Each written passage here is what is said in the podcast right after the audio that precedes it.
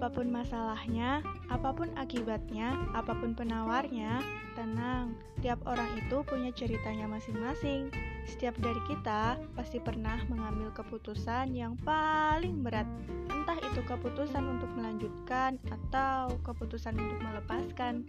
Apa pun itu, semua akan menjadi rangkaian pengalaman dalam hidup kita yang mau bagaimana lagi membuat kita harus bisa bangkit untuk memulai lembaran hidup yang baru demi hidup yang lebih baik. Karena tiap dari kita memiliki ceritanya masing-masing.